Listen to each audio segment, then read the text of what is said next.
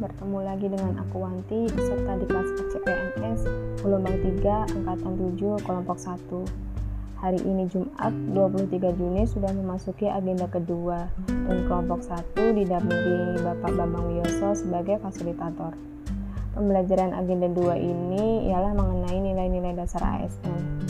Pembelajaran sinkronus, Pak Yos menjelaskan mengenai nilai dasar aneka yaitu akuntabilitas, nasionalisme, etika publik, komitmen mutu, dan anti korupsi. Akuntabilitas adalah kewajiban pertanggungjawaban yang harus dicapai. Indikatornya integritas, tanggung jawab, keadilan, dan transparan. Nasionalisme adalah rasa cinta pada tanah air dengan mengimplementasikannya sesuai dengan nilai-nilai yang terkandung dalam Pancasila. Etika publik adalah sikap dan perilaku ASN dalam memberikan pelayanan dan pelaku kebijakan publik sesuai dengan kode etik ASN. Untuk komitmen mutu adalah pelaksanaan pelayanan publik dengan berorientasi pada kualitas hasil, berupa ukuran baik ataupun buruk. Indikatornya antara lain efektif, efisien, inovatif, adaptif, dan responsif. Anti korupsi harus selalu ditanamkan dalam jiwa ASN. Korupsi tidak hanya mengenai materi, tapi bisa dalam hal waktu dan penerimaan gratifikasi.